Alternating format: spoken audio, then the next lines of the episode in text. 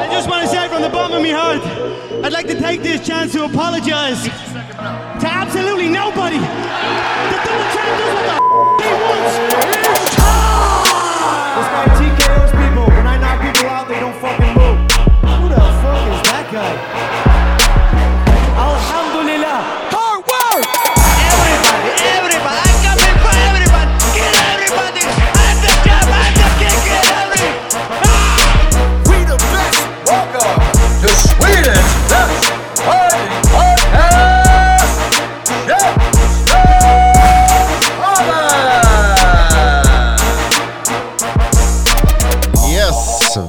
Välkomna till årets första avsnitt av Käftsmällspodden, en podcast om fighting. Jag heter som vanligt Andres, med mig har jag. Asha Tofari. Och för att starta året så eh, måste vi ta fram fighters från, eh, vad brukar man säga, Sveriges framsida har jag lärt mig. Sveriges baksida. Nej, framsida var det. det var vi, har, vi har här Javad Idresa. Och eh, Alexander Brodal. Brodal. Välkomna hit. Tack så mycket. Sveriges riktiga huvudstad är det ju, det heter Ja, det är så. Ja, jag gillar Göteborg faktiskt. Det Det gör jag också. det är dunder. Det är från eh, Fighter Center, nu är ni här på lite, på lite klubbturné verkar det som. Ni är ju sparrade, kommer från Impact precis. Berätta, vad händer här i Stockholm? Framförallt är vi här för att gästa er. Vi Ja. har inte varit här än, vi har snackat om det länge. Ja, Och så bränner vi av så mycket eh, thaiboxningsklubbar vi kan medan vi är här. Jajamän. All right. Så har vi eh, Stockholm Muay Thai kvar idag Ja. och sen Odenplan imorgon. Okej, sticker ni hem imorgon? Jajamän. Ja, Okej. Ja, det är men, bra. Det är bra kört. Eh, vet du, och du, ni båda var ju aktuella på olika sätt eh, på Zone senast. Precis. Du har kommenterat de, de senaste två, tre galorna där. Jag kommenterar den andra zongalan och den senaste nu. Ja. Och du gick, eh, skulle jag säga, fight of the night kan man säga på den, på den eh, Tack. galan. Det var, det var en jäkla underhållande fight. Eh, du precis kom utanför bonus, bonusarna där, men eh, du fick med dig vinsten. Ja, det i slutändan med, så länge publiken är nöjd så är jag Ja. nöjd faktiskt. Det är, det är det viktiga för mig. Vad tycker du själv om den fighten? Hur var upplevelsen? Det var din första match i, i Zone va? Ja, första proffsmatch också. Ja, första proffsmatch Ja. till och med. Ja. Ja, så eh, nej det är där jag tillhör. Jag hatar skydd. Det, Ja. det, det gör jag ja, verkligen. Men eh, det blir en till VM-resa och EM-resa med landslaget. Eh, men sen tanken är ju att gå över till MMA helt. Mm. Men, eh, Okej, okej.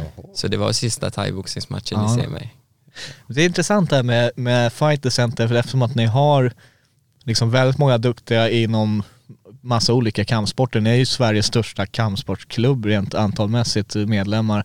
Eh, och jag menar, du har varit med i MMA-landslaget och sen Precis. så, nu känns det som att man ser dig som en thaiboxare mer. Eh, jag vet inte om du håller med mig eller? Alltså jag har sagt det lite, jag gör praktik i thaiboxning just Ja. nu. Jag fick ju operera min menisk. Okej, Och- okej. Så jag har gjort den här tvärtom-switchen. Jag tror det är vanligare att gå från thaiboxning och gå över till Ja, MMA som ja, Javad gör.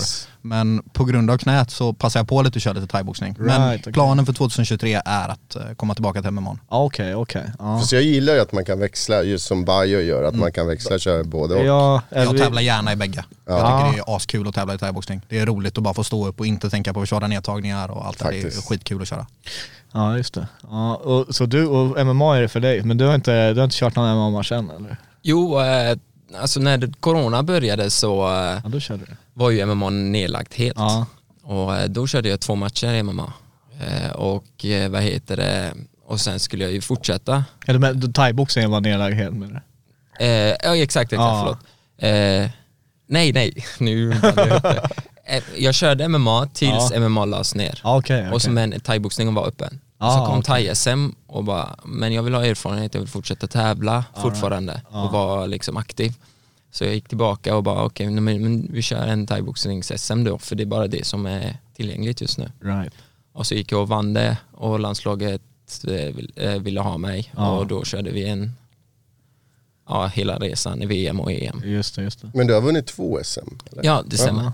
Så, men eh, det var ju en sån gap också att det fanns ju det blev ju inget SM förra året. Nej, så det var samma landslag som fortsatte att köra två VM och Just det, just det, så var det. Så eh, sen blev det tredje gången så blev det ett SM till och då vann jag också igen. Ja, ja okej. Ja men det är ju för att annars så brukar det ju vara lite mer, kanske MMA-klubbar är vanligt att man har även thaiboxning och så vidare. Men det känns som att många av de framgångsrika thaiklubbarna, det är ju liksom, du har ingen MMA på Lejonkulan, du har ingen MMA på Impact, när det är precis vad, det, då är det ju thaiklubbar Ja, med liksom. Det stämmer och jag tror det funkar för att vi är så stor klubb med så många medlemmar. Ja, Eh, Så det- finns ju hög sparring, vare sig du kör med thaiboxarna, BI-folket, de som kör SV, MMA. Och jag tror att det är därför det funkar att vi är så många. För är du en klubb med kanske 100-200 medlemmar, då tror jag det blir svårt att nischa sig åt, eh, åt två håll. så är det. Men sen så är det väl också att när, då ökar ju sannolikheten att ni, ni går förbi de här MMA-killarna eller, eller thai-killarna, vilket håll man nu byter och blir liksom sugen på att testa på, när ni har allting in-house så att säga. Exakt. Vi har ju haft många pass tillsammans. eh, Ja. Framförallt under corona, då gjorde vi kompromissen på MMA-sidan att vi, vi kör ingen grappling. Det kan låta lite löjligt i mitt huvud, så, ah, för att vi inte grapplar så smittas vi inte liksom. Och då, då Ja, körde ju alla med varandra. Ja, ja okej.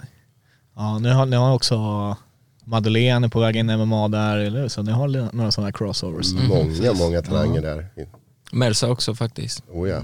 Går lite fram och tillbaks men han har också mycket intresse för MMA Mm, just nu. ja, okej. Åh, fan.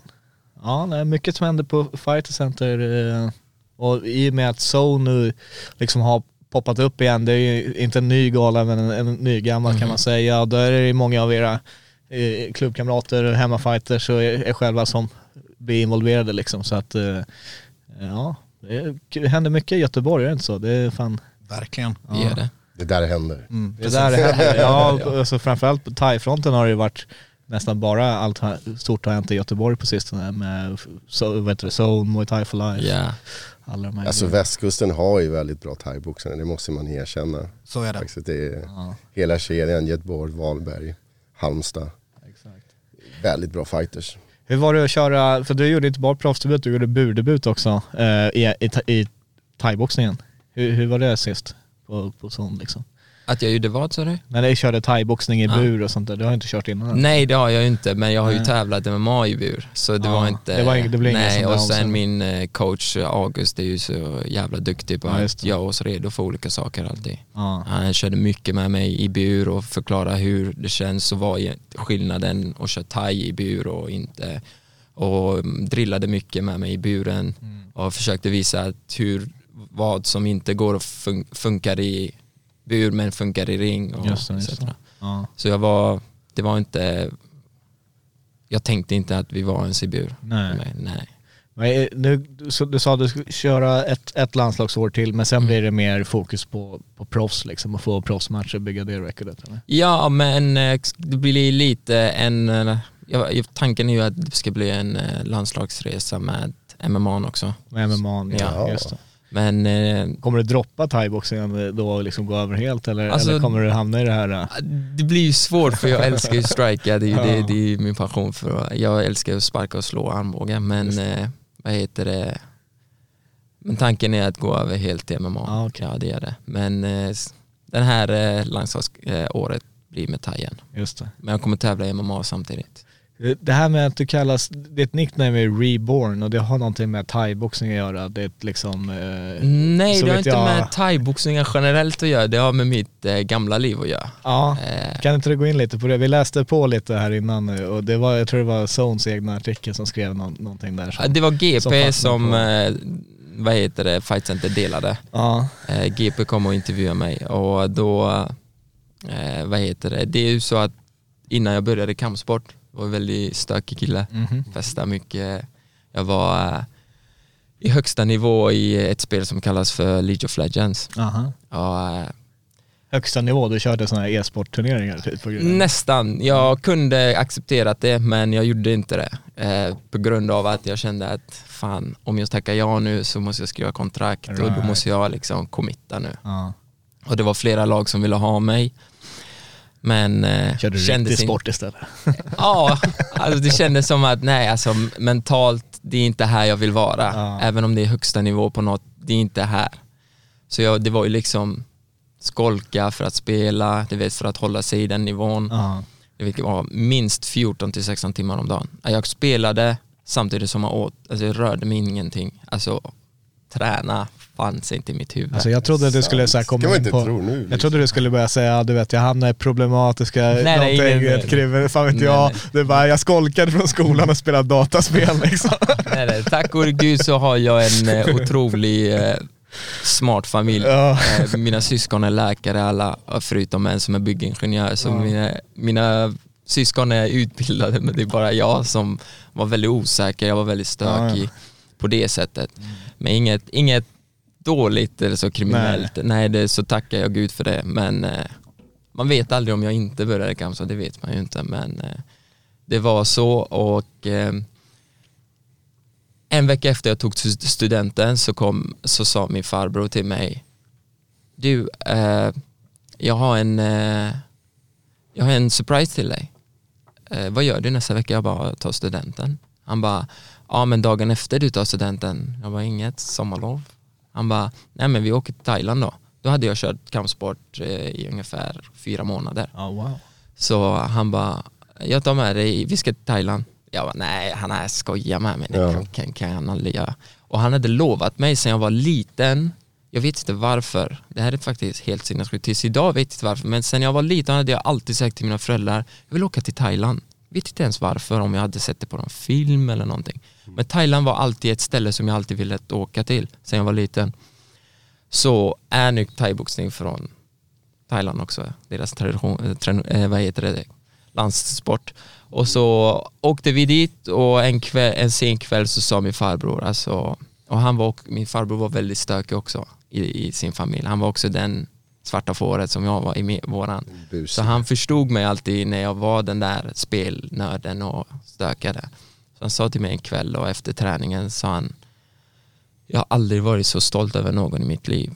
Alltså att från det där personen du var du är den här idag, tränar varje dag, du är nybörjare, du har kört nu i fyra månader bara men du tränar två gånger om dagen, du, jag rökte i fyra år i rad också. Nonstop, kanske en paket om dagen. Dagen jag la min fot in i Fight Center så har jag helt och hållet. Så det folk säger att det är svårt, jag tror det är här i huvudet, Ja, ja, tycker jag i alla fall. För, för mig tänkte jag aldrig på det. Och så den kvällen så sa han, jag vet att alla artister och sådana har ett na- speciellt namn. Jag bara, ja. Han bara, får jag välja din? Jag bara, ja det får du. Ja visst. Han bara, du är, det är verkligen som att du är född på nytt. Kan du inte heta Reborn? Jag bara, ja ja. Jag heter Reborn för dig då. Vilken bra namnet. historia där Wow. bakom ett nickname. Det blir extra powerful när det finns, alltså, Ja, ja, vissa precis. säger bara jag ska heta The Panther eller The Phenom eller Ja. du vet så. Men om man har någon sån där speciell. Ja liksom. men jag förstår det men det är det och så det är det därför också jag har en Phoenix som eh, sign- Ja, signatur. just det, just det. Okej. Så det är så. Då. Så då, sen dess, du switchade och bara nu kör vi det här och blev, liksom, tog det väldigt seriöst direkt då alltså? Ja, för jag vann ju mitt första SM-guld tre år efter jag började. Ja. Jag hade aldrig tränat kampsport innan. Så- körde du thai-boxning när ni åkte till Thailand? Ja, det var i Thailand han, en kväll eh, efter, träning, eh, efter kvällspasset. När Ja. jag kom hem till hotellet så sa, satt vi i balkongen och tjötade. Så det var i Thailand. Ja, okej. Han gav mig namnet. Vart, vart, vart körde du där? Då körde jag i, eh, eller vi bodde i Phuket, men det gymmet vi körde hette Kai Pitak. Okej. Det var rekommenderat av alla från klubben då, den Ja. tiden. Nu är ingen som tränar där. Jag Nej. vet inte om den ens finns. Aha. Alla från vår klubb åkte alltid dit så jag bara, ja men jag åker också dit då.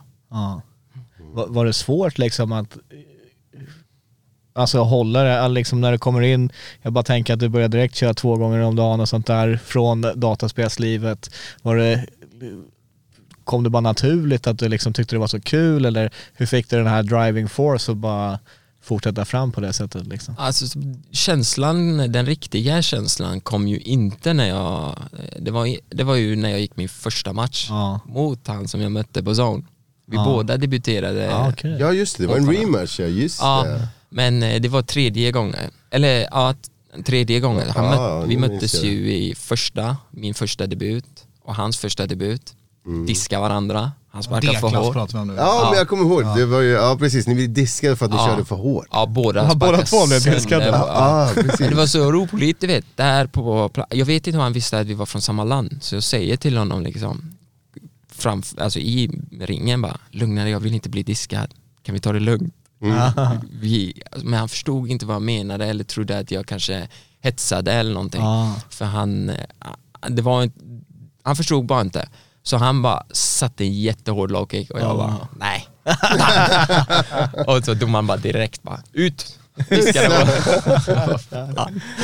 ja, så sen mötte vi på kickboxnings-SM Ja. och då vann han. Eh, och sen mötte vi på zone.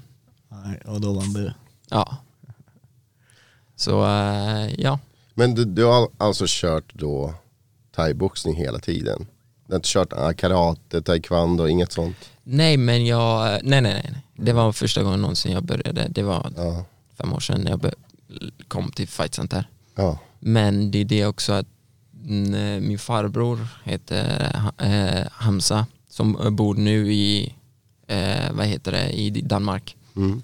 Han är ju sexfaldig världsmästare i brottning och eh, när han körde MMA så var han eh, 7-0.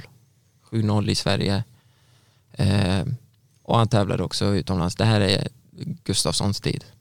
Och han var Gustafssons träningspartner också vid den tiden. Några gånger fick, eh, kom han in och tränade med honom. Och han hade ju, det var tacka gud att han varnade mig för saker som, jag, som ingen annan skulle ha varnat mig för. Och det var, det underlättade jättemycket de här fem första åren som man inte visste. Det var sån okänd mark, kampsport. Kan du ge några exempel? Ja, eh, typ eh, det var väldigt mycket mentalt och att eh, det var mycket att eh, du vet när hur mycket ens jag tränar du kan aldrig göra dig redo när du är väl inne i ringen. Du, kan, du kommer aldrig vara redo för en match. Hur ens du känner dig, kondition, mentalt, eh, träningen har gått perfekt, vad som helst. Det kommer alltid finnas något som inte kommer stämma. Och, eh, och folk, hur jag skulle eh, vad heter det, tänka runt folk när folk pratar med mig att det inte alltid är gott om dig. Och att du ska alltid, han, var, han har varit så länge i kampsportsvärlden så han varnade mig för alla fel som han hade träffat på under sin karriär. Och att eh, ja, det, var, det är mycket grejer men det de absolut viktigaste är nog eh, mentala aspekterna som han eh, varnade mig för. Just för att mentala aspekter med att inte trycka ner mig själv om och hur jag ska behandla en förlust eller hur en eh, vinst inte ska ta över Ja. träningen och, och att eh, vem ens du möter, hur ens bra du gör det så finns det alltid någon som kommer göra exakt det mot dig. Så gör dig redo för den personen, inte för den du vann mot precis. Det kommer finnas en som, hur ens du, lätt du vinner en match så kommer, finns det en som gör det exakt lika lätt mot dig. Så, så det gjorde så att jag är den kritiska som jag är mot mig själv idag. Jag har faktiskt gråtit mer efter en vinst, alltså varit besviken över mig själv efter en vinst än en, vinst, äh, än, än en förlust. Så de gångerna som jag har varit mest ledsen över, är varit besviken på mig själv efter en vinst. Så det är, jag är väldigt kritisk mot mig själv. Fan, låter vis den här snubben. Ja, men det gick en gång på Bangkok, första VMet gick faktiskt väldigt mycket ut över honom. Så eh, den förlusten, fan, där kunde jag faktiskt ha slutat. Men eh, där eh, hittade jag mig själv tillbaka. Ja. Det tog på ett sätt som jag aldrig anade faktiskt. Mm. Men han var där och Mm. Det var inte bästa förutsättningarna du hade kanske. Sen ska man aldrig skylla på förutsättningarna. nej det ska man inte göra men eh, Saker kunde gått bättre. Ja, det var faktiskt, där kan jag verkligen lägga ner min fot och säga det var verkligen saker som jag kunde inte ha, alltså det var verkligen sådana grejer som min farbror hade varnat mig för. Men som kom och jag ändå liksom, nej, det är mitt eget fel. Men det var inte det. Det var, det var omöjligt för mig att förutse sådana fel som hände. Ja, man lär sig. Ja det är en grej, alltså, det kan vara lätt kanske i efterhand, ja just det då var det så, eller du vet. Men Exakt. att se saker komma det är ju lite svårare också. Men det är som du säger, det är viktigast att man lär sig. Man lär sig och kommer Ja. ur starkare. Det är lite, många säger så men har man varit där så vet man att Ja. liksom, det, man med. måste ta, ta sig igenom så kommer man starkare ur det. Jajamän. Ja, Kan men- låta klyschigt men det är så. Mm. Det är verkligen så. Klyschor, de, de, de är ju klyschiga för att de är sant liksom. Exakt. så att det, det, det är ju så ofta man, hur mycket man än blir varnad och tipsad och, och grejer, man måste ju på ett sätt också lära sig genom sin egen erfarenhet. Ja, Annars skulle man kunna läsa en bok och kunna allt i världen liksom. exakt. Så att, ja. Hur, hur ligger det till med dig nu med eh, fightkarriären och skadeläget och sånt här? Vi snackade lite om det här innan. Det, planen är ju comeback för MMA 2023. Sen fick jag faktiskt i veckan, något jag inte kan avslöja än, men Okej. eh, en liten nyhet. Vi kommer inte säga till någon, jag lovar. Men det i alla fall gör att jag blir kvar i thaiboxning Sverige detta året. Eh, Så ni, ni kommer få se mig på i thaiboxningsmatcher detta året också. Eh, Kan du vara här i Stockholm kanske eller? Oh. Vem vet, vem vet. Vem Vad kul. Ja, Men de sen- börjar, de börjar g- g- glida över till Göteborgsmarknaden mer och mer också. Ja, så- så. Men eh, senaste match du gick, Senaste matchen jag gick var på SM i år i thaiboxning. Eller blir det förra året blir det. Uh, Ja, det var just faktiskt det. min andra thaiboxningsmatch var det. Som jag gick då på SM och då mötte jag en kille från Lund, Abdurrahman. Jag förlorade den på 2-1 domslut. Det, det var lite drygt, för jag trodde att jag vann när jag gick av. Men eh, det är bedömningssport och jag är inte så bra på det här i clinchen. Att ta poäng med knäna. Utan där tänker jag, där kommer min MMA-hjärna igång. Just Och då det. tänker jag underhooks. Där är Ja. jag safe, det är en bra position. Det är det ju inte en thaiboxning. Nej. nej, nej, ja, det, det måste vara, ja. Men Förstår. pla planen är väl att inte dra ut på det allt för länge och gå proffs i MMA. Ja. Jag var bokad för en gala efter jag hade tävlat på VM i Bahrain. Slutet av 2019 eller början av 2020 så var jag bokad att gå på en gala Excellence. Ja. Och där var väl planen att det skulle vara min sista A-klassmatch innan Ah, jag gick okej. över till eh, proffs. Men då kom corona, galan ställdes in. Ja, just. Sen eh, drog jag sönder min menisk. Och eftersom det ja. var corona så tog det väldigt lång tid att få en operation. Och nu är vi här helt plötsligt. Nu, Ja. nu har jag i alla fall fått in lite thaiboxningsmatcher. Men eh, två, tre år flög iväg med menisk och corona. Eh, utan en Men, massa. be- berätta om den skada, hur, när hände det och hur?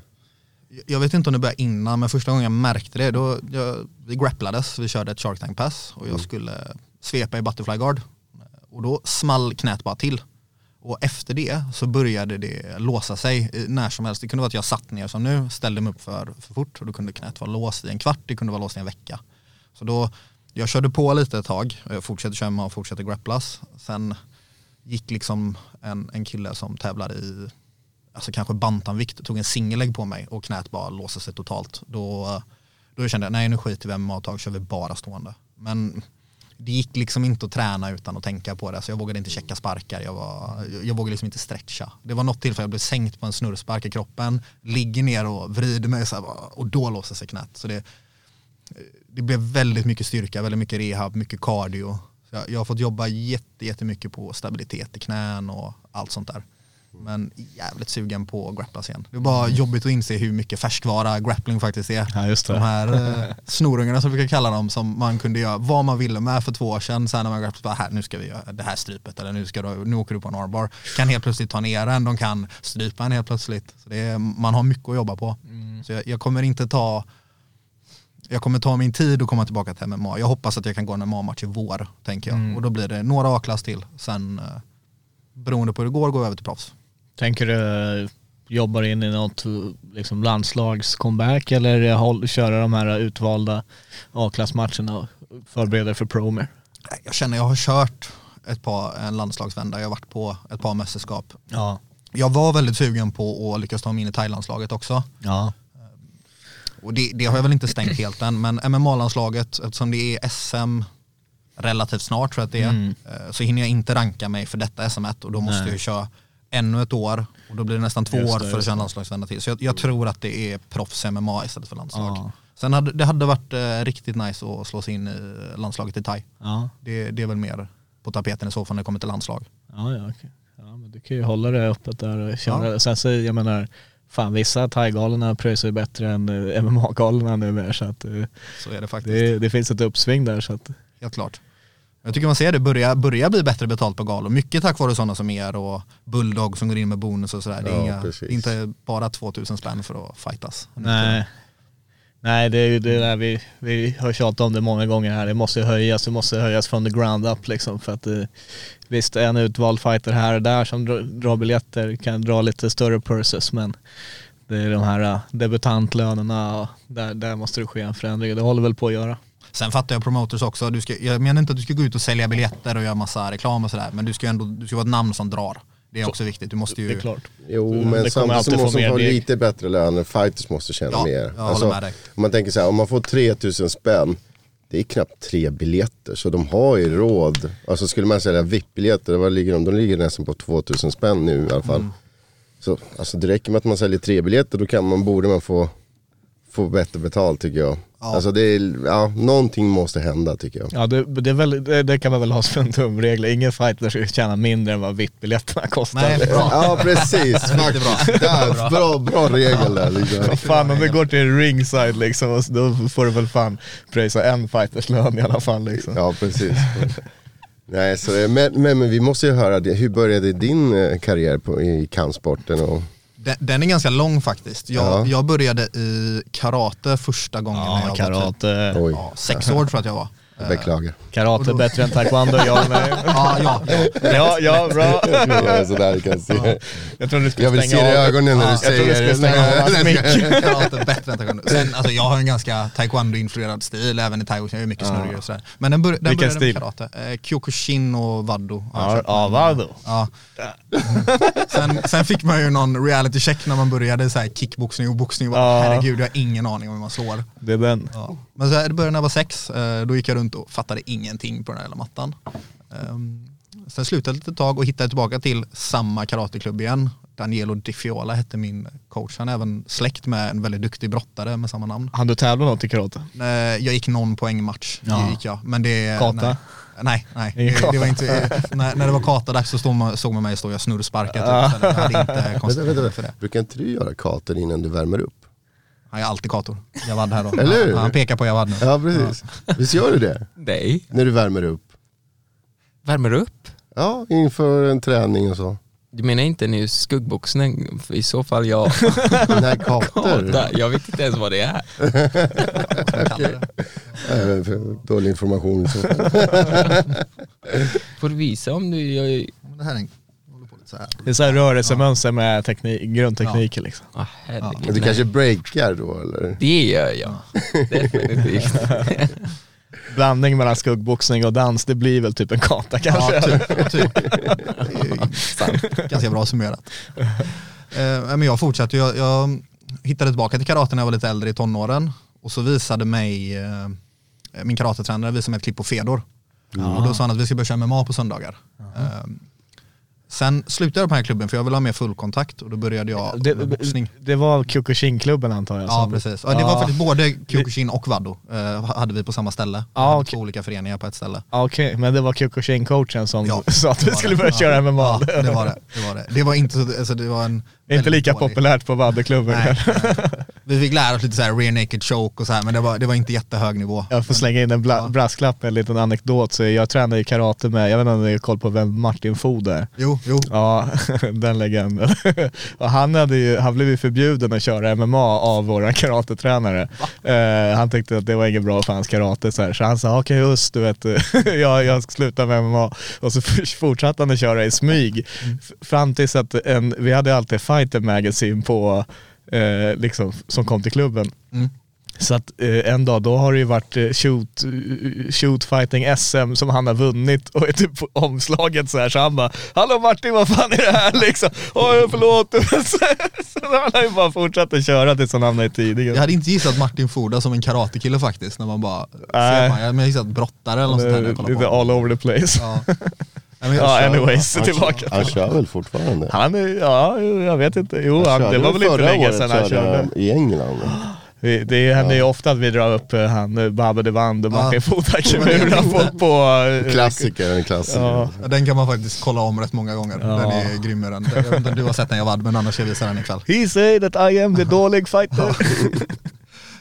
Jag trillade faktiskt in på en boxningsklubb efter karaten, Ja. RBK, med en Jugge som tränare, Ricky.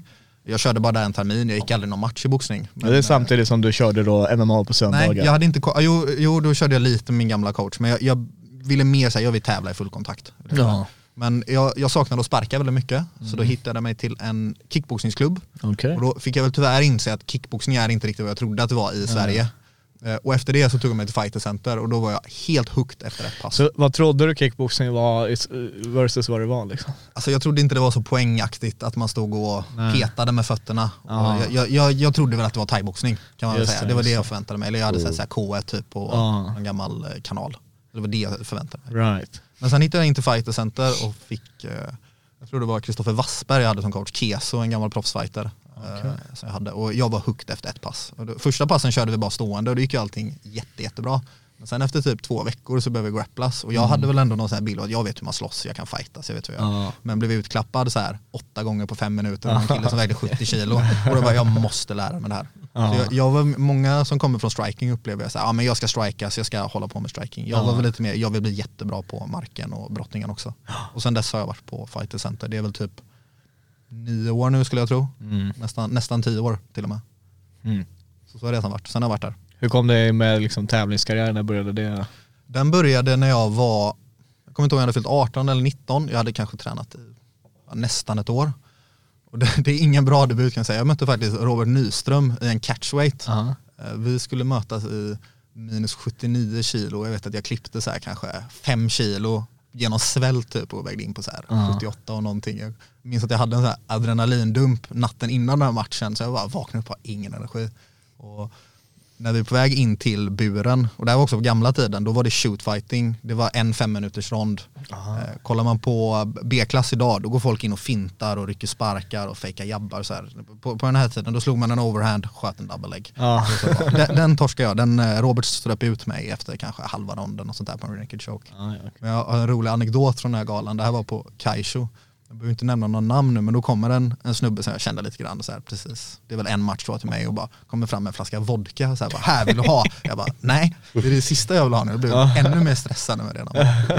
Så det, det var min första match. Var det, var det en fighter också? Ja det var en fighter, jag vill inte nämna vem. Han, han är inte aktuell idag, jag tror inte du vet vem det är. Men ja, han kom där med någon så här sm rysk smuggelvodka typ, så här, i en handduk och var här. Jag bara, nej, Han låter som något Närmin skulle... Jag tänkte väl säga det- det hade kunnat vara. Sen tänkte jag att det är elakt att säga. Men ja, Ska, ska du ha cigg då istället liksom?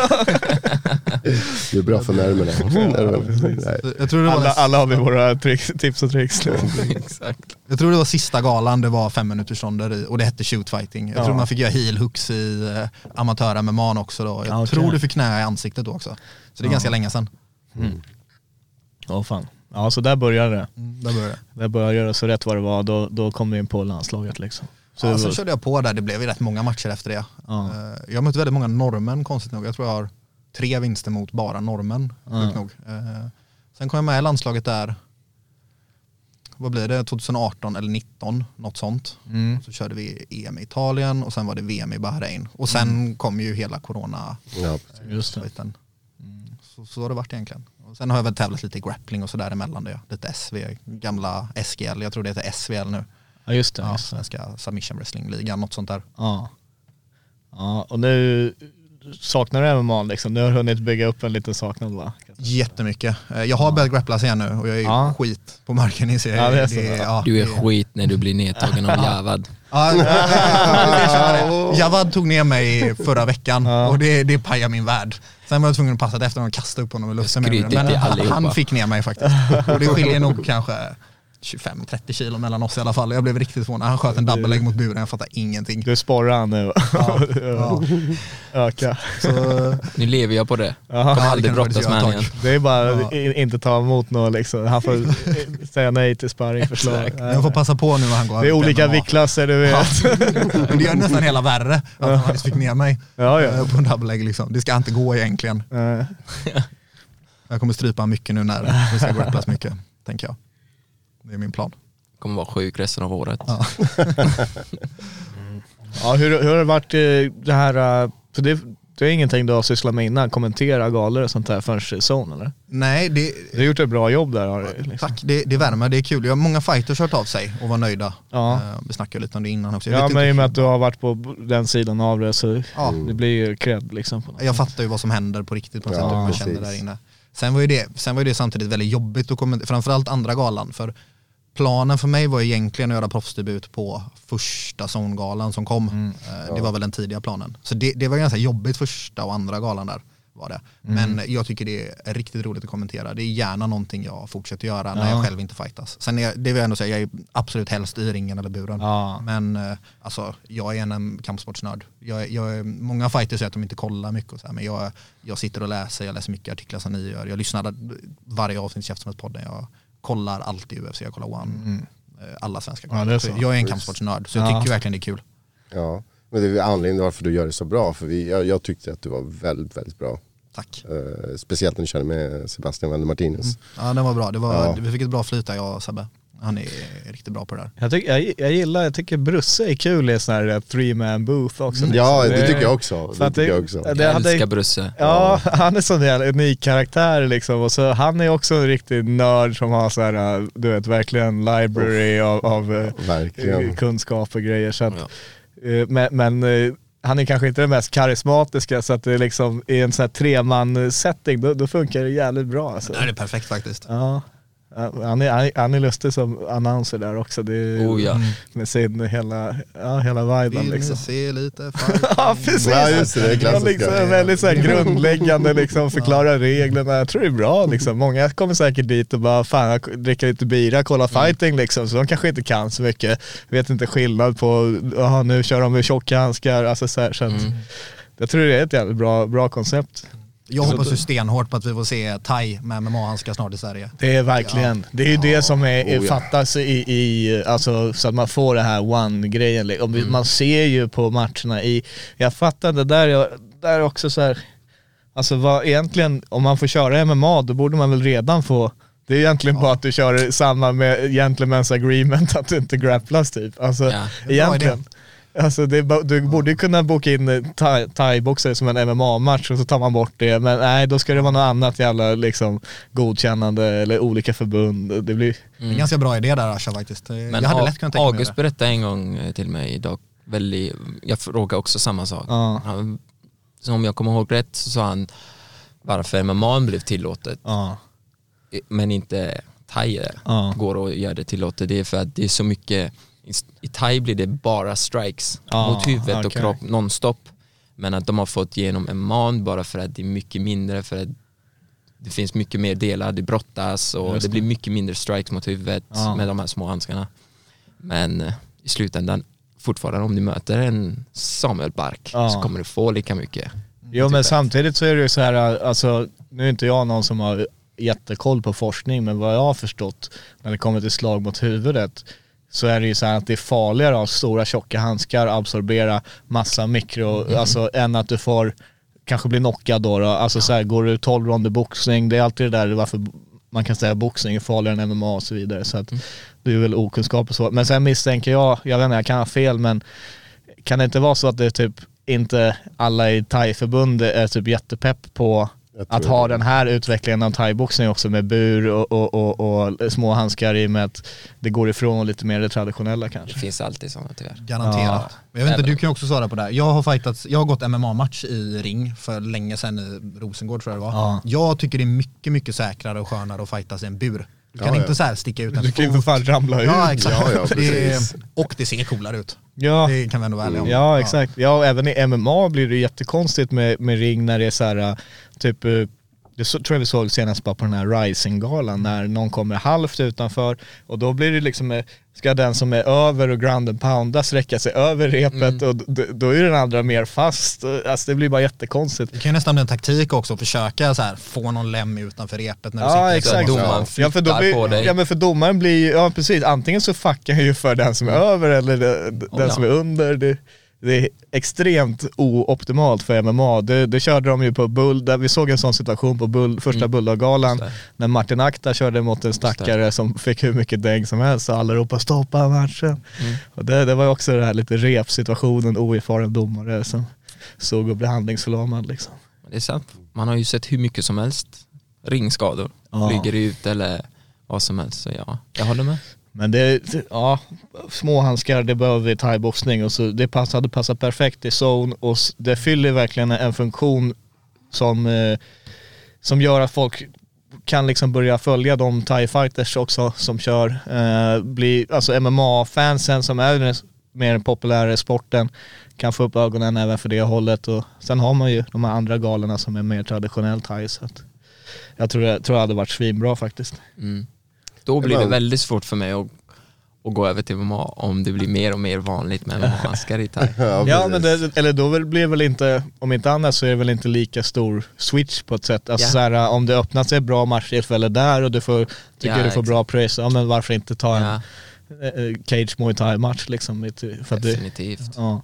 Kanske blir mer avslut på thaiboxningsevent och sånt. Garanterat det- det- Ja. precis, ja garanterat. Ja, ja verkligen. Men du har kört lite thaiboxningsmatcher Mm. också Jag har va? kört två matcher. Jag, jag var ju med, jag var som coach på VM i Abu Dhabi. Mm. Och då hade jag ganska långt innan snackat med Pelle tror jag han heter, från eh, Varberg Ja. och West Coast Ja, Battle där. Att ja, men har ni någon, säg till, jag kör jättegärna. Mm. Sen kan vi runt och så här, träna typ ingenting. Och så tog jag en match på West Coast Battle när vi kom hem, på, jag tror jag tog den på Ah. fyra dagars notis. Det var din första thai Det var min första thaimatch, Ja. jag hoppade in i en IFMA där, det var askul. Uh, skulle nog förberett mig lite bättre och det blev en högre viktklass än vad jag hade tänkt. Men eh, jag tycker det är så roligt att tävla i thai, jag gör det gärna igen. Mm. Det är, nu ska jag inte klanka på thaiboxning på något sätt, jag tycker inte det är lika nervöst att tävla i thaiboxning som det är MMA. Eh, folk kan ju påstå att de inte blir nervösa för matcher men det, Ja. det är inte lika mycket variabler att tänka på i thai. Jag vet att han kommer slå mig, han kommer sparka mig, han kommer knä mig. Just det. När man är på typ VM, MMA, då vet du inte, är det här en grappler, är han en brottare, är han boxare, är han thaiboxare? Ja, det är mer ett frågetecken på vad som kommer hända i matchen. Mm. Men jag gillar det verkligen. Jag, ni kommer se mig i thaiboxningssammanhang mer. Kanske den 25 su- eh, februari. Fick du det? Ja, det är fan, den, den galan ser, ser bra Det är kul att det kommer upp nya aktörer också tycker Mm. jag. Här i Stockholm, att det händer grejer. Eh, Göteborg har haft lite, tog patent på det här med, med eh, thai-marknaden egentligen senaste ja, tiden. faktiskt. faktiskt. Nu vi behöver en gala i Stockholm igen. Det var väl Empire som hade senast här. Mm. Eh, och jag tycker de har fått upp ett bra kort. Jag är fett taggad för det. här. Det är upp till FCR och, och steppa upp och leverera ett Mm. mot, alltså i och med att de konkurrerar på samma dag. Ja, det är samma datum där. Samma datum. Men där har vi någon, där vi, det är en känga hela kampsportsverige kan få. Sluta lägga galor på samma datum, Ja. skärp er. Alltså, Men nu är det två olika förbund så det är förstår Jo. att de missar det. men och sen är det en samma- thaiboxningsförbund och MMA-förbund, de kanske inte kommunicerar med varandra. Alltså jag tycker väl samtidigt så är det, så här, det, är, det är ett tecken på att marknaden mår bra. Eftersom att eh, nu finns det så pass många galor. Thai-sidan, thai den är levande, MMA-sidan, det kommer nya. Och då blir det, du vet, man ska boka in en arena på ett visst datum. Många efter corona fortfarande har ju liksom så här eh, blivit ökat tryck på arenor när de ska boka in sina datum och liksom så att det har inte varit helt lätt att hitta. Eh, Så det blir, det, det, det är väl ofrånkomligt på vissa sätt men jag håller med, det är ju skitfrustrerande. Måste vi, om vi ska täcka galorna, måste vi liksom dela upp team och allt vad det är också så här. Så att, eh, Ja, men liksom som kampsportsnörd, man vill, kan jag se en gala live så vill jag gärna göra det utan att sitta uppe fyra på morgonen liksom. Ja, ja precis. Ja, och sen eh, tycker jag att eh, framförallt nu senaste så har det ju varit att thai-boxning och MMA konkurrerar, vilket är synd därför att egentligen vill man ju liksom blanda ihop mer de- den fanbasen så att, så att folk kan se alla galor liksom. Verkligen. Och vi har ju hög nivå på bägge just nu. Det är ju grymma galor, både med Zone, Muay Thai for Life, FCR, alla, ja, jag ska inte glömma någon men vi har ju många bra galor där i Sverige just nu. Ja, ja verkligen. Vart, hade du, har du någon så här, vart du helst skulle göra din pro-debut i MMA? Alltså det hade, alltså hemmaplan i Göteborg på Zone, det hade Ja. varit jättefett. Jag vet att det hade varit galet tryck i publiken när jag fått Ja. köra. Helst mot kanske någon från Gbg eller Fit for Fight eller någon så här närliggande klubb. Det hade varit kul. Eh, för det stället hade exploderat då. Ja, kör det- lite så här. Det, det, Derbyvibbar liksom. Derby. Så, så Zone i Göteborg hade varit eh, riktigt fett. Sen hade jag inte bangat på att köpa FCR och synas på Fight Pass och så här heller. Men, eh, hemmaplan i Göteborg, debuten känns rätt. Ja. All right. Eh, och, ja. Hade, vad, vad tror du, liksom, vad väntar härnäst för, för dig rent, eh, är det, är det landslags EM, VM? Alltså, den är ju i maj har jag hört match lite. innan där? Jag har hört att det ska vara i Thailand. Ja, stämmer. Ja, Bangkok. Igen. Stället är ju tydligen bestämt, men Ja. eh, datumet har inte kommit helt officiellt som jag har för mig i Nej. alla fall. VM, är det innan EM? Ja, Ja, det är det. Eh, skulle EM vara i Polen? Det är lite oklart allting med vilka mästerskap Ja. man åker på nu för det svenska förbundet deltar ju inte på någon tävling där Ryssland får delta. Så jag- jag är faktiskt lite osäker på vilka mästerskap Aha. jag vet, Det enda jag vet är att VM är någonting vi ska åka på. Mm. Jag tror att det var EM i Polen, jag kan ha fel. Men eh, jag tror att Rys Ryssland fick vara med och att vi inte åker. Aha. Eh, Jag kan ha missförstått helt men något åt det hållet. Mm. Men den är ju maj. Men, eh, och sen så har jag ju faktiskt varit i camp nu i kanske ett och ett halvt år sen första VM. Inte en minsta lilla vila har jag haft. Kanske Nej. två dagar, tre dagar mellan varje, efter varje match. Ja, okej. Så direkt in i nästa camp. Så det är första gången nu jag har vilat ja, ordentligt. Ja. Och det var efter zone. Jag har inte tränat Nu är du trött på att vila. Nu är jag trött på vila, jag definitivt. Jag har varit i Egypten och eh, verkligen återhämtat mig men eh, Jag såg lite bilder, fan vad nice ja det var riktigt faktiskt nice. när var det där? Det var eh, två veckor sedan. Ja, så, så Ja, bra. det var Jäklar, hur var det? Hur... Det är en sån där resa som jag vill göra, därför frågar jag. Det var nog av alla ställen jag varit i världen, det finns inget som tog när jag var på, vid pyramiderna. Ja. Ja. Det var det mäktigaste jag varit på. Hur många sådana här uh, visselpipor och, och, och kamelköpförslag och grejer? Det var mycket, det var så mycket. Nej det går åt fel håll, det här, jag ska visa Oh, ja, dig. ja, ja. Och sen, du vet, det var så mycket, man, får, man fick vara så, så, vad heter det, vaken på att inte bli de lurade. Scammade. Vä- Ja, ja vänster och höger. Ja, ja, Ja, De stod de bara, aj, stå här bredvid kamelen. Jag bara, va? Klick, Ja, ge mig pengar. Jaha, exakt. Och Jesus ja, ja, Christ, ja. jag har inte sagt någonting. Nej. Men det var så sjuka saker. Och så sa liksom turist, eh, turistguiden bara, ge aldrig er telefon till någon som vill ta bild, ta aldrig emot presenter. De tog ju liksom ja, en presenter och sen kom de Ja. två minuter senare och bara, ah, det, de vill ha betalt för den. Jaha. Så sådana saker skulle jag ju gjort om han inte sa något. Men eh, nej, pyramiderna var bäst. Alltså det var verkligen, men det var så jobbigt. Vi bodde ju inte i Kairo, vi bodde utanför. Ah, okay. Så jag och min systers man bestämde bara, jag tänker inte lämna Egypten om jag inte ser pyramiderna. Ja, ja. Så vi fick ta bussen sju timmar Shit. när vi, dagen efter, jag har precis landat, ska ta det lugnt. Nej, dagen efter ska vi ta sju timmar buss dit och tillbaka i slutet av dagen. Så det gick ju mycket men när jag väl var där, va? ja, jag såg alla filmer framför mig, ja, Transformers, alla, alla filmer som jag sett bara som, som spelas vid pyramiderna. Så det var riktigt nice faktiskt. Ja. Ja, det var mäktigt. Ja. Så det rekommenderar jag starkt alltså. Ja det verkar sjukt spännande samtidigt har jag sett också mycket sådana här, uh, var varse om ja, scam och även om typ man skulle ta med sig utrustning och göra några mediagrejer. Det händer och överallt. De kom- de är i Stockholm, Nej, nej, jag har nej, varit med om saker här. Nej, skojar. Jag bara. Egypten är. Egypten är typ värst på det där. Alltså det var någon youtuber, han bara, "Nej, jag kommer aldrig komma tillbaka hit typ, bara för att vet, han skulle Det filma hela det han visste fick filma på en iPhone, du vet, helt plötsligt kommer polisen, raderar det där, alltså så här, deras kamerautrustning blev konfiskerad på flygplatsen, de har försökt fixa tillstånd men det var fel Ja. tillstånd eller, eller så säger de bara så för att någon vill, du vet, du, Ja. du vet inte vem som du ska lita på, alla vill ha sina... Nej, våra, vår, en kamera blev också tagen i flygplatsen och min Ja, det är brorsas äh, drone.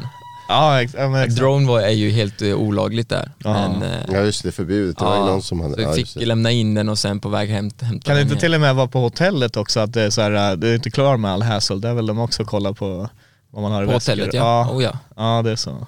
Men det var tur att mina, eh, två av mina syskon har, eh, deras fruar är araber. Ah. Så de pratar ju helt, eh, vad heter, när de pratar arabiska med dem så, var de, blev så de- släppte de garden Ah, helt och hållet direkt. det. Ja. Så det var skönt att ha dem ibland med sig. det kan tänka. Speciellt när man prutar för saker. Ja just det.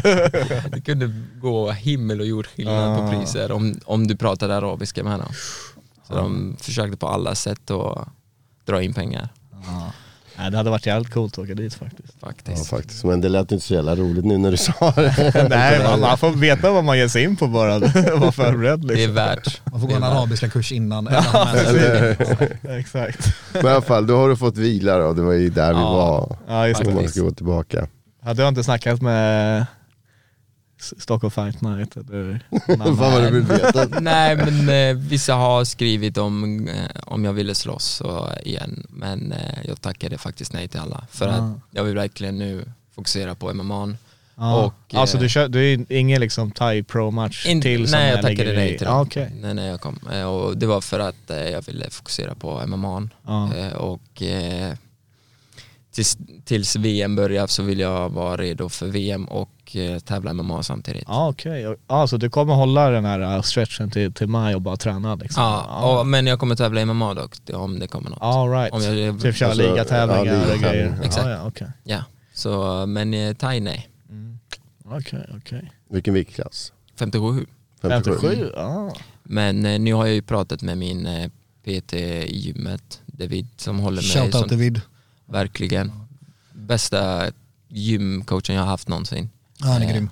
Han är BI-fighter egentligen, men Ja. håller oss eh, lite högre nivå i gymmet också. Ja, ja. Och jag har sagt till honom att nej, nu får du eh, sätta på muskler på mig. Jag ska Ja. upp i vikt. Jag ska upp ja i du vill lämna, eh, du vill upp till bantamweight? 61. eller? Ja, vad blir- så, så, Så att det är väl också, du, jag kan tänka mig att du kommer ha lite svårt att få matcher i ligan i fl- flyweight. Bantamweight kanske lite enklare. Det, det, blir ju ofta, alltså om man kollar på de, även de professionella flyweights, ofta när de får gå någon catchweight eller, eller bantamweight. Ja.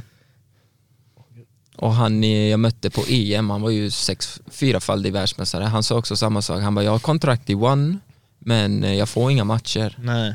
Eh, Så han sa, han bara, jag måste också gå upp i vikt. han. Ja. Han bara, det, det är löjligt, jag får inga matcher. Nej. Så i thaiboxningen också, men är du i Thailand dock, där 57, du kan få match var, varannan dag. Ja, Men eh, utanför Thailand, ja vissa, alltså i, i Asien så är det ju många som kör strawweight för, för eh, herrar liksom. exakt.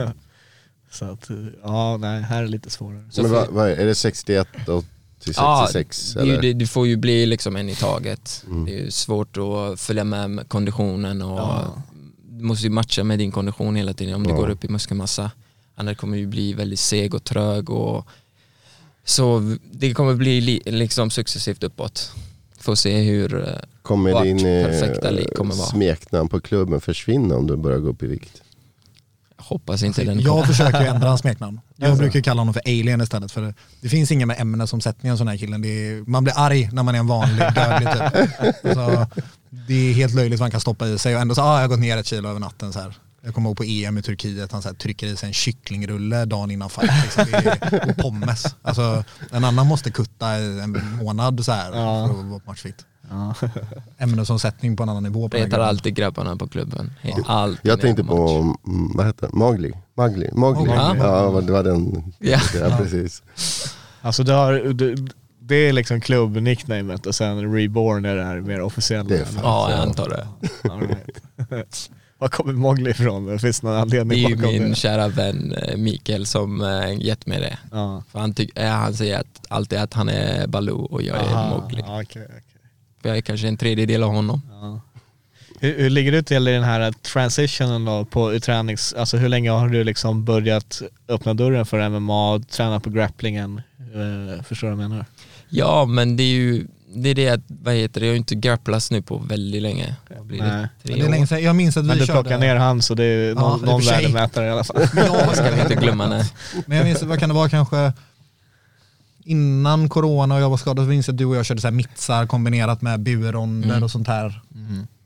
Det var väl strax innan corona skulle jag Ja, gissa. det var något kanske sånt. ett och ett halvt år jag körde med MMA och så var det dock också mycket hoppa mellan för jag körde fortfarande thai också.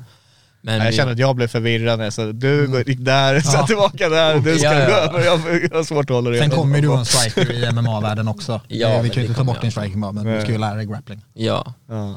så för att kunna undvika grapplingen och, så måste man förstå det. Ja, man kunna precis. det. Vad är det som motiverar dig att gå över till MMA? Vad är det som lockar dig? Jag skulle nog säga det är två saker. En av dem är ju att det är för min stil. Jag, jag älskar att, jag är väldigt hit, don't get hit back. Mm. Alltså jag är väldigt, jag älskar att inte bli träffad. Det är min main fokus för jag vill kunna ha ett liv efter kampsporten. Så, och så brukar jag alltid säga till grabbarna och till alla mina elever brukar jag alltid säga det är, det är lätt att ta en träff. Det är lätt att ta en slag men det är inte lätt. Alla kan inte undvika en träff Mm. men alla kan ta en träff. Så eh, vad heter det, för min stil så tycker jag det är bättre bara när jag träffar mer och inte blir träffad. Så handskarna spelar ingen roll för mig. Och sen vill jag inte att någon, någon dag kollar på mig och bara, du var en duktig thaiboxare. Utan du, de kan säga, ja, han var en duktig fighter. Mm. Så, du, så man inte blir klassad inom en ram. Du var en duktig boxare, men ingen fighter. Ja. Du? Så det är mest därför. Att man har ett liksom, du generellt var en bra fighter. Är man en bra fighter och inte en thaiboxare så man inte blir klassad i en viss grej. Det är mest de, de två där anledningarna. Okej. Är det någonting du tänker att det är, alltså möjligheterna är också större kanske MMA att inte, alltså på svenska scenen ser det väl ungefär liknande ut numera men liksom att ta sig vidare och sånt där. Ja, men det är ju det också att Eller Själv- tänker du på det överhuvudtaget? Ja, ibland, det gör jag ju. Men det är ju mest för att man ska, ja, för jag känner ju att bara att så länge liksom man kan, mitt mål är bara att kunna leva på det jag älskar. Och, och hur mycket det är, det beror ju på en person själv. Eh, Jag behöver inte mycket för att vara liksom satisfied. Så för att, så länge jag kan göra det jag älskar, det är mest kopplat till min kropp. Alltså är jag skadefri, då har jag allting. Jag kan göra det jag älskar. Så resten är bara mer eh, något på köpet. Och eh, liksom, jag tänker alltid- också att om du är en fighter, en städerska eller en ingenjör, spelar ingen roll vad du är. Är du bäst på det du gör så vill alla ha dig inom den branschen. Så pengar kommer alltid finnas där. Se till bara att du är bra på det du gör. För alla kommer vilja ha det då. Så det kommer bara på köpet om du är bra.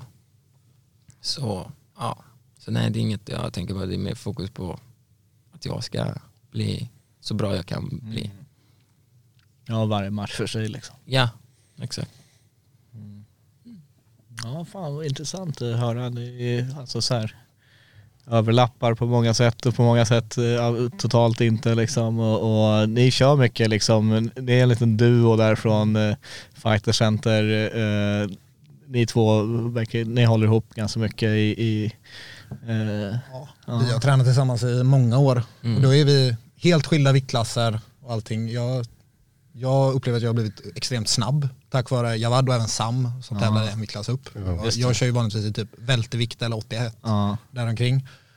Jag tror inte ni blir slagna med samma tyngd. Ja, jag Ja, tänkte precis säga att Ja. det är inget som jag skryter om, det är inte något att skryta om, jag Nej. kan ta stryk men Ja. jag kan ta stryk på någon och, Även om man bara länge. slänger en spark ibland så är Ja. det liksom tryck bakom. Så man Mm. blir ju mycket mer tålig om du vill eller inte. Men sen har vi bägge alltid varit dedikerade. Innan jag drog mig i knä så jobbade jag på samma sätt som jag var Mm. som instruktör och PT och då kunde man träna klockan 10, klockan 11 klo- eller så här, klockan 1 mitt på dagen. Och då, Mm. Vi har ju spenderat sjukt många timmar tillsammans och bara drilla, drilla, drilla Mm. och mitsar och kombinationer och allt vad det kan vara. Spela in TikToks. Ja, spela in TikToks. Det är mest hans TikToks. påhitt. Han har dragit med det. Man måste Nej, duktig på hålla det. hjärnan igång på Ja. något annat Det vis. är bra, det är bra. Hur är det som PT då? Hur det är? Hur du är som PT? Ja, det vågar jag inte säga. Det, det, är, det får du fråga mina PT-kunder. Men eh, alltså jag, jag antar om de kommer tillbaka så är det väl okej. Jag har mm, kanske ungefär 15 pass i veckan PT med folk, men kanske varierar mycket. Men eh, jag är ju inte den PTn som, eh, som är väldigt positiv mot dem. Jag är väldigt, jag säger, jag är väldigt, jag säger alltid väldigt sanningen till Ja. dem. Och eh, de flesta gillar det, antar jag. Men eh, jag vill alltid deras bästa. Så det förstår de väl också. Men eh, jag älskar, jag älskar folk som vill lära sig. Så, så PT är något som jag kommer hålla på med länge. Även om eh, även hur seriös träningen eller nivån kommer skilja så kommer jag vara PT ändå. Jag älskar att eh, se folk utvecklas. Du, du instruerar en del på Fight Center. Ja, Jag har faktiskt gått ner ganska mycket i pass nu. Ja. Innan höll jag, alltså det, jag hade dagar när jag höll tre pass om dagen. Plus Okej. två egna pass och PT-kunder. Nu håller jag bara tävlingsgruppen i thaiboxning en gång i veckan. Ja. Men jag, jag har instruerat ganska länge faktiskt. Mm. Eh, och det är någonting jag vill göra i framtiden igen. Men nu när jag har ett heltidsjobb, åtta till fem liksom och tränar. Jag är väl uppe och tränar typ kvart över sex varje morgon och sen direkt efter jobbet. Jag känner jag har inte tiden att lägga på andra och coacha och instruera på samma sätt. Sen är jag alltid med, typ, behöver jag, jag hade hjälp i ringhörnan eller mittsar eller någon av MMA-killarna behöver extra träning. Där är jag alltid med och ställer upp i tävlingsgruppen. Men jag, jag har liksom inte tid längre att hålla pass till klockan nio eller halv nio, tio på kvällen. Det går liksom inte med återhämtningen. Men vad, eh, vad jobbar du med? jag jobbar på ett fastighetsbolag. Eh, Okej. Så faktiskt samma som den duktiga thaiboxaren Ottabäck. Vi är på samma. Ottabäck? Ja, Ja, vi är på samma. Fick jag reda på nyligen. Eh, och det är ganska nytt. Jag har aldrig haft ett kontorsjobb eller något sånt där innan. Utan jag, är, jag tror jag har jobbat i fem år innan där så höll jag bara PT och grupppass hela tiden. Ja. Eh, så det var en ganska switch faktiskt att gå över till något sånt. Hur har det varit då? Eh, både bra och dåligt skulle jag säga. Dels är det skönt att inte bara ha fighting runt sig hela tiden. Kan sparras lite med Ja, Ottabäck. Tyvärr jag är ju han i Stockholm. Ja, Annars- jag men jag ska jag bjuda in misstänkte honom. det. Jag ska bjuda Va, in vad är ni, har ni spärras nu? Nej, nej. Jag- fick reda på det här av ja, en gemensam PT-kund till mig. Och jag- tog över den här PT-kunden för mig som också jobbar på samma bolag då. Som berättade att ah, han är Ottabäck jobbar hos oss också. Ja, bara, just det. Så han får väl ta och bjuda in om han är i kroken eller om jag är här, Ja. tänker jag. Ehm, vad var det? Eh, nej, du sa att du hade Ja. blev första kontorsjobbet. Ja precis, ja, men innan höll jag jättemycket pass. Eh, även, vi hade en grupp som hette Elitgruppen förut på Fight Center och det var ju de som gick sina första B-klassmatcher och kanske någon A-klass. Ni har Mm. säkert sett sådana som ja, Robert Nilsson, Linus Romke, Ratko Tomic. Mm. Eh, många av de grabbarna eh, tränade jag och en annan kille som hette Heitan tillsammans med överseende av August Wallén då. såklart. Just det, Heitan. Ja precis. Nu har han lagt av, han, eh, han jobbar, han, Ja. han är väl färdig. Han kanske kommer tillbaka, vet, men han var ju asduktig. Ble, blev han proffs? Nej. Nej, gick aldrig proffs. Han Nej. körde landslaget och sen satsade han på annat. Han var väldigt, både duktig fighter och coach. Ja. Men coach är ju någonting jag saknar. Hade jag haft tiden så hade jag gärna gjort det mycket mer. För det är, det är jättekul. Det är sjukt kul att se någon gå från en nybörjare till att gå sin första fullkontaktsmatch. Man ser hur mycket det händer. Ja, det är också bra för så här, ja men du vet, få andra perspektiv, eller för kommenteringen också, sådana här saker. Så att, ja, ja men kul. Eh, är, det, är det dags för lite käftsmällsutdelning när vi rundar av? eller? Ja, fast innan, jag, jag vill veta den här historien att du har stoppat fight på gatan genom att visa dina öron. Ja. Ja, det finns faktiskt två sådana. Den ena, Ja, ja, ja, han har ju... Dina blomkålsöron och så har de sprungit Ja, liksom. så. Nej men det var, jag var på väg hem eh, efter träningen som vanligt. Vi åkte på en sån här Voi. Och jag, och då kommer jag vid, om det har varit vid ICA Fokus i Göteborg någon gång, så kör jag över så här eh, vid rödljuset där. Och då kommer det en Foodora-cyklist som kör på fel sida av vägen, som kör rätt in i mig och blir asar så här. Han såg ut som ungefär eh, Ola-Conny i Ullared om du har sett det någon gång. Så här, lång, jättesmal, långt hår. Och så ja, bara, jag, jag kan inte slå den här gubben, det ser liksom inte bra ut. Så, när han började komma med sin, han ville typ slå mig med cykeln minns jag. Och så här, jag tog honom med och måste bara kolla på mina öron, vill du verkligen göra det här? Han bara, nej. ja, ja, det, det funkade faktiskt. Jag minns att du ser inte Effektivt alltså. Ja det var effektivt. Jävligt bra. Han gjorde något, han sa inte nej utan han gjorde något sånt där. Någon sån rörelse, så här, ryckte på, bara, nej jag tror inte det. Och tog det cykeln då. Ja, det, det funkar. Gjorde det. Så du fick ingen cykel på dig? Nej, jag fick aldrig någon cykel på Skönt. mig. Men sen har du, du har sagt att det, har men- hänt två ja, gånger. Här stoppade det väl kanske inte. Jag, jag stoppade en kille från att bli misshandlad på vagnen en gång. Och det, det var en ganska jobbig sits. Det jag var stolt över att jag, jag hade bråttom till ett tåg. Så jag sprang ner för backen vid Fighter Center och så springer in på vagnen. Och då sitter jag nästan längst bak. Och då är det en, något gruff utanför vagnen först. Det är några killar som kastar någonting på vagnen vi sitter på. Och då står det en, jag vet inte vad jag ska beskriva som, någon svensk huligan typ. Tänk er svensk lite påtänd kille med så här sail racing jacka.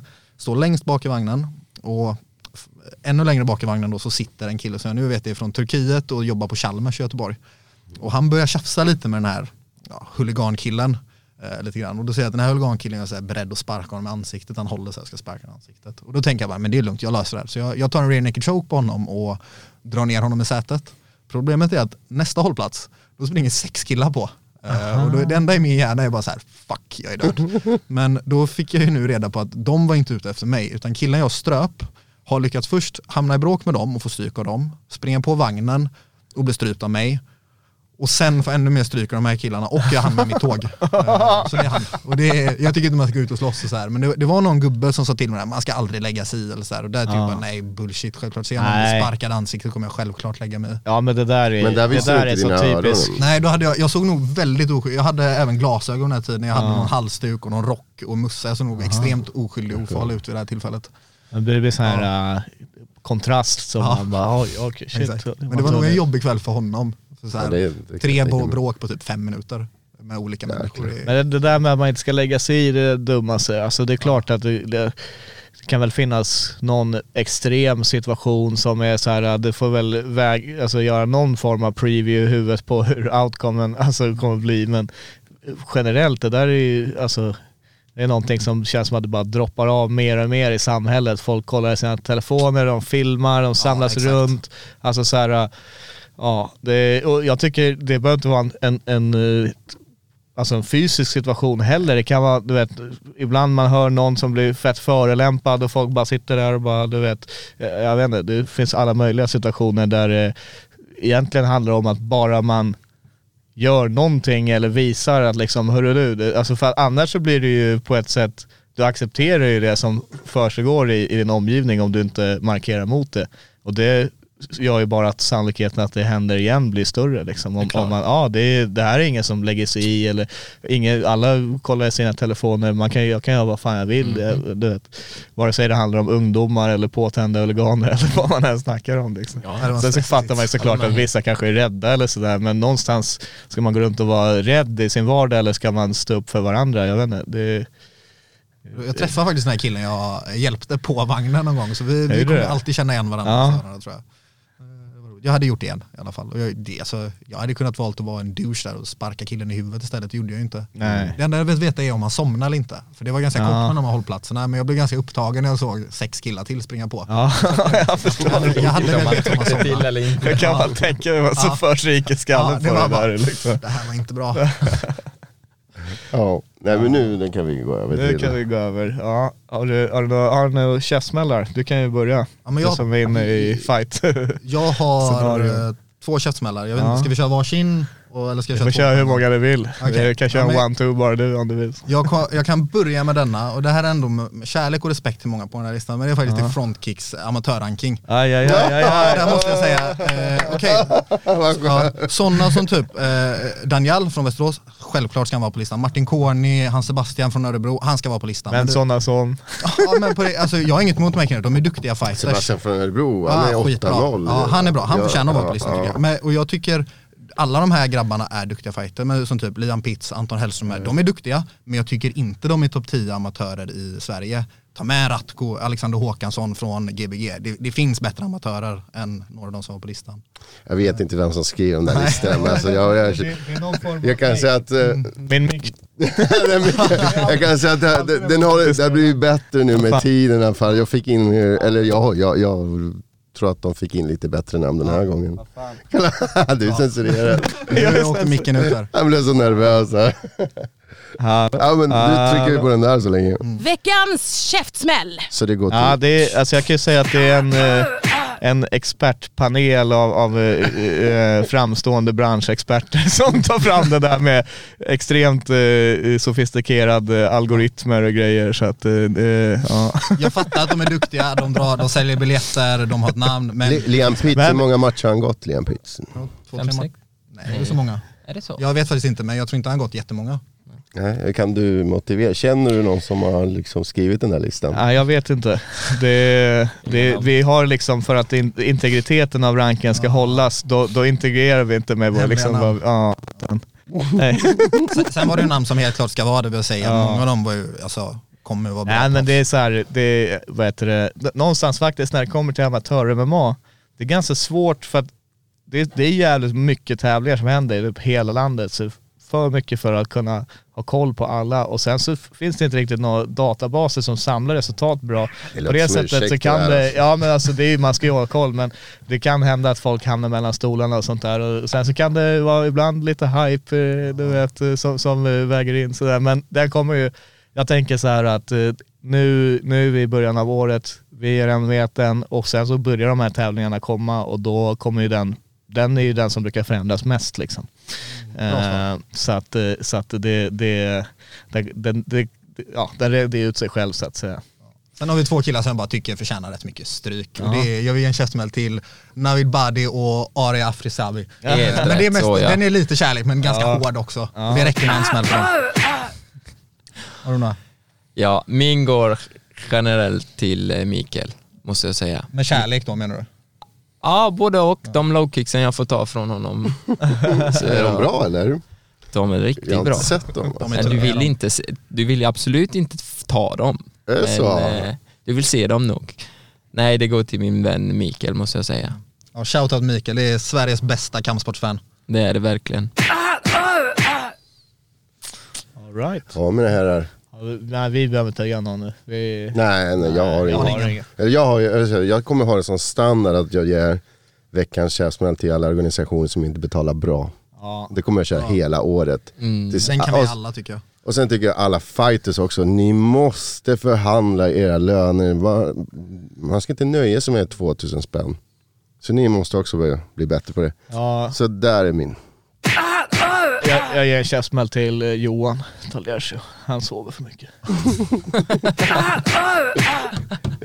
Yes sir. Men eh, stort tack för att ni tog det hit och jättekul att verkligen. träffa er. Tack själva, roligt att vara här. Ja, Good vi ses igen hoppas jag. Det gör vi. Det gör vi. Är det några som ni vill hälsa till eller tacka till eller?